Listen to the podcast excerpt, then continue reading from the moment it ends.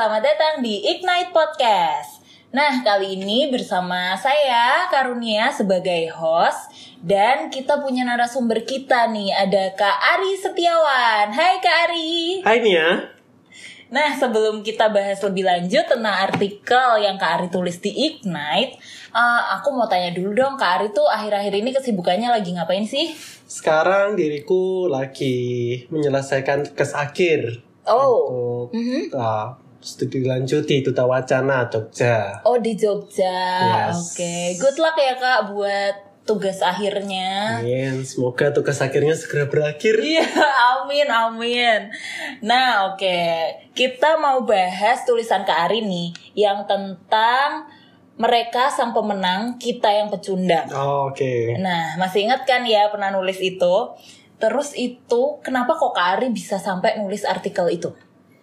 Itu kan artikel di akhir tahun 2018. ya, iya, iya, iya. Desember. bener. Aha. Desember itu bulan buat kita berefleksi, mengevaluasi apa yang sudah kita rencanakan di awal tahun dan yang kita kerjakan selama setahun tersebut. Mhm. Dan Desember kita mengevaluasi apakah diri kita berhasil atau gagal. Oh, kayak resolusi 2018 kesampaian gak nih gitu ya?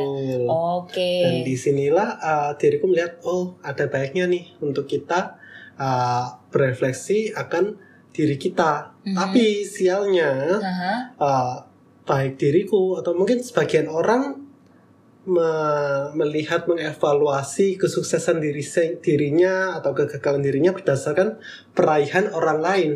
Oh, jadi kayak bandingin diri sendiri sama orang-orang lain gitu. Iya, kita Oke. mungkin sering sering banget nih kita membandingkan diri kita dengan orang lain. Termasuk diriku juga sering melakukan seperti itu membandingkan kesuksesan orang lain dengan apa yang sudah aku raih sehingga aku merasa diriku nggak sukses. Aku pecundang. Oh, iya sama sih. Aku juga ya mayoritas orang kayak gitu nggak sih? Jadi kalau spesialisasinya di sosial media, kita kan lihat kehidupan orang-orang macam-macam, mereka sharing tentang mereka yang udah pada merit, udah pada punya anak, sedangkan aku masih jomblo itu rasanya senang sekali. Terus atau lihat mereka yang udah di puncak karir, sedangkan aku masih gini-gini aja hidupnya gitu ya. Ya itu persis banget sama yang aku tulis bicara tentang uh, apa yang telah orang lain raih gitu loh. Banyak temen-temenku, saudara-saudaraku yang mungkin sudah nikah, sudah punya anak gitu. Aha. Sedangkan pada saat itu diriku jomblo gitu. Ya, Oh, puji sekarang- Tuhan sih sekarang sudah Oh, Oke. sudah taken gitu. Taken, ya, ya, ya. doakanlah, doakan ya Nia juga Amin, gitu. amin. Sama semuanya juga pendengar Ignite Yes. Podcast. Aha. um, diriku uh, yang masih studi la- studi lanjut, sedangkan teman-temanku sudah sukses berkarir atau Hmm. yang sudah di top position, manager lah, macam macam lainnya, ada yang punya usaha sendiri dan itu kan uh, kadang membuat diriku ini iri gitu loh, mereka ini sudah sukses, sedangkan aku ini masih dalam sebuah tahapan yang relatif cukup panjang Iya, gitu. iya, iya. Kayak dilihat orang masih Alah belum apa-apa, lulus aja belum gitu kan. Iya. Eh maaf ya kak, maaf. Tapi kan beda kita. Oh iya iya, udah sudah. Nah terus habis itu kenapa kok sampai waktu Kak Ari nulis artikel itu, kenapa kok sampai kepikir banding-bandingin diri sendiri sama orang lain? Emang kayak eh, nggak percaya diri sama apa yang telah diraih gitu? Lebih ke arah ini mungkin hal yang uh, lumrah sih, yang ya Mhm. bisa dibilang lumrah, ya lumrah tapi juga dibilang salah ya juga salah. Oh. Kebiasaan kita untuk membandingkan diri dengan orang lain Mhm. karena kita sendiri uh, bingung untuk mencari patokan uh, bagaimana Kesuksesan mengukur kesukses- kesuksesan kita gitu. Oh, Ya, apalagi oke. tadi Nia sempat bilang Mhm. terpaan media sosial itu yang membuat kita tuh semakin uh, dalam tanda kutip ada yang iri, ada yang merasa over proud gitu, Iya, terlalu iya. bangga gitu dengan peraihan diri sendiri gitu. Oh, oke. Nah, tapi sebenarnya kalau dilihat lagi itu semua maksudnya setiap orang itu bisa mencapai kehidupan mereka saat ini itu pasti ada prosesnya atau tiba-tiba mereka bisa kayak gitu. kalau dibilang kesuksesan orang ya Mhm. itu beda-beda, Relatif, relatif iya. beda. Tapi diriku sih meyakini kesuksesan itu bukan dir- diraih lewat shortcut.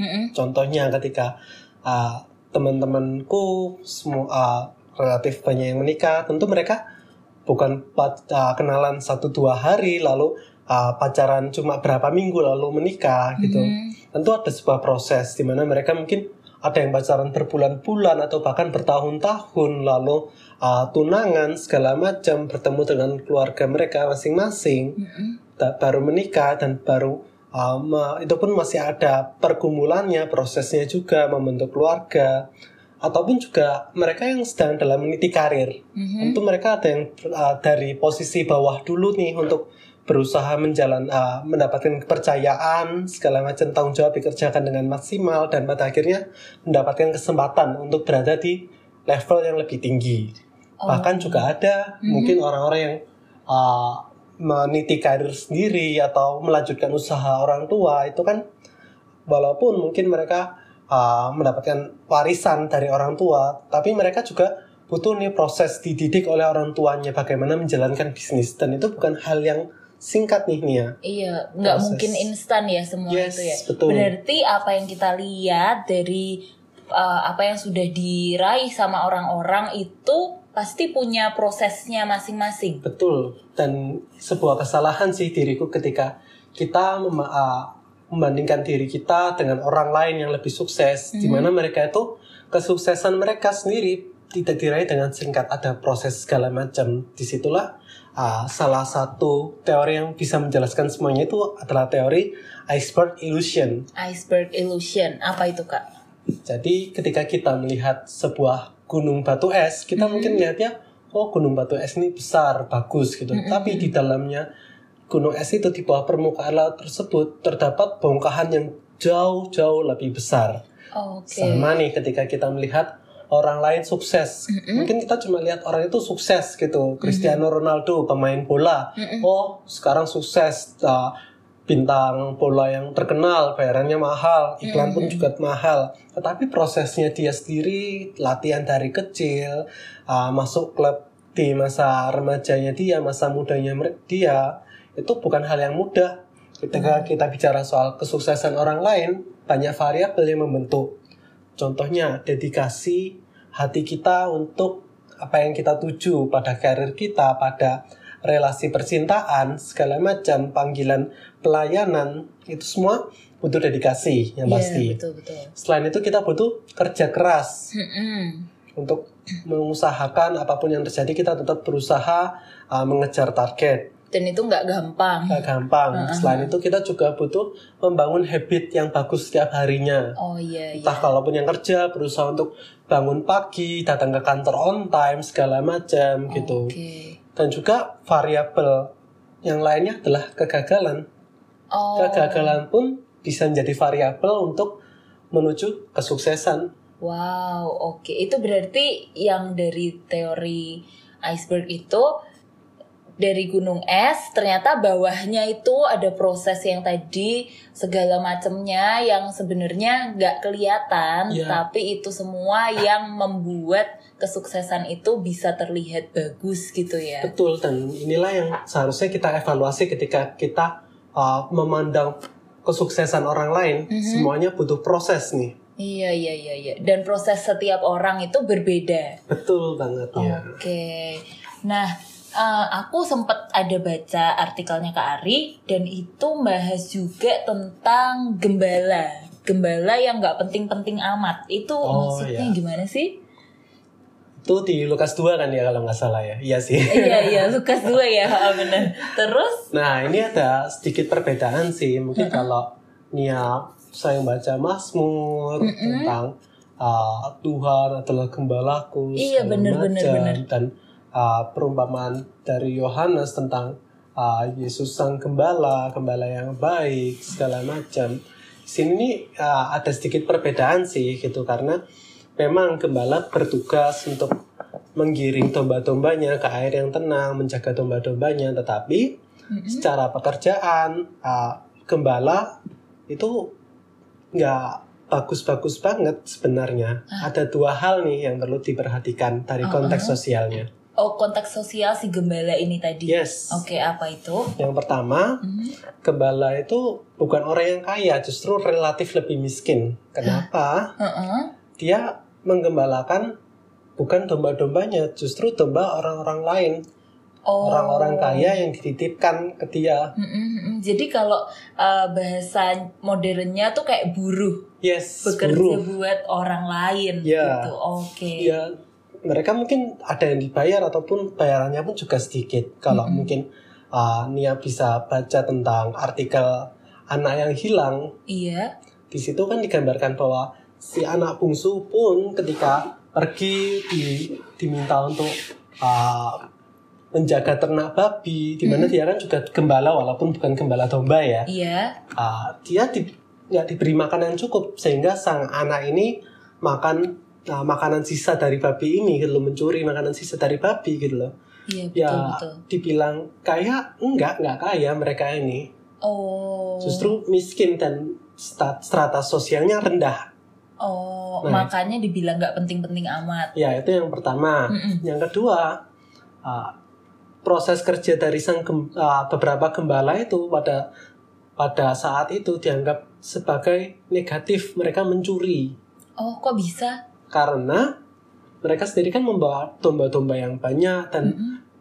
uh, ketika mencapai sebuah ladang rumput domba-dombanya habis tentu nggak nggak akan di situ terus kan mereka pasti menjelajah ke padang rumput lain ladang rumput lain untuk uh, mencari makanan bagi domba-dombanya ini Oh, di di mana mana itu? padang rumputnya bukan milik gembala tersebut Iya, benar-benar. Jadi kayak di situ tanda kutip mencuri gitu. yes Karena bukan ladangnya milik mereka sendiri ataupun yang punya domba itu sendiri. betul Oh, oke. nah ini secara uh, pemahaman sosialnya secara penulisan dari Injil Lukas sendiri Mm-mm. sang gembala itu nggak penting-penting amat karena nggak ada namanya. Nggak Oh, namanya nggak nama. di-mention. Yes. Iya, iya, iya, iya. Kalaupun ada uh, gereja atau khotbah atau drama fragmen yang Hmm. membuat nama dari gembala-gembala tersebut Mm-mm. sangat mungkin berasal dari sumber bukan dari Alkitab tuh. Oh, iya, iya, iya. iya. Padahal ya kalau misalkan kita bandingkan uh, dengan perempuan-perempuan yang melihat Yesus bangkit, Mhm. di mana perempuan itu pada masa tersebut dia kesaksiannya cuma dianggap sebagai setengahnya pria. Pen- penulis Injil Lukas ini memasukkan mencatat nama-nama mereka. gitu. Oh. Dibandingkan gembala yang cowok, gembala-gembala cowok ini, mereka nggak ada ditulis nih namanya. Berarti ah, aku melihat bahwa gembala-gembala tersebut itu nggak penting-penting amat. Oh, oke. Loh, padahal menurut kita selama ini ya menurut kita ya pandangannya yang pandangan gembala di Kristen kan gembala tuh yang keren banget Ya. karena mereka yang dipilih untuk menyaksikan kelahiran Tuhan Yesus dan yang membawa kabar gembira itu ke mana-mana. Padahal sebenarnya gembala itu strata sosialnya kalau dilihat lagi di masa itu malah nggak dianggap terlalu penting. Betul banget. Nah, yang membuat mereka penting adalah ketika mereka ber- merasakan perjumpaan eksistensial yang ilahi dengan sang ilahi. Ketika Tuhan membiarkan uh, bala tentara surganya menghampiri mereka, meminta mereka untuk pergi melihat bayi Yesus. Itu kan sebuah perjumpaan yang tidak dirasakan oleh banyak orang gitu loh. Iya, hanya cuman orang-orang terpilih aja. Ya, orang-orang yang terpilih saja yang merasakan hal itu dan uh, ketika mereka menerima panggilan uh, tersebut, ketika mereka menerima perjumpaan eksistensial tersebut, mereka menghidupinya, Mhm. mereka bersuka cita, memuji-muji nama Allah dan menemui bayi Yesus tersebut sehingga memberikan kesaksian-kesaksian. Oh, oke.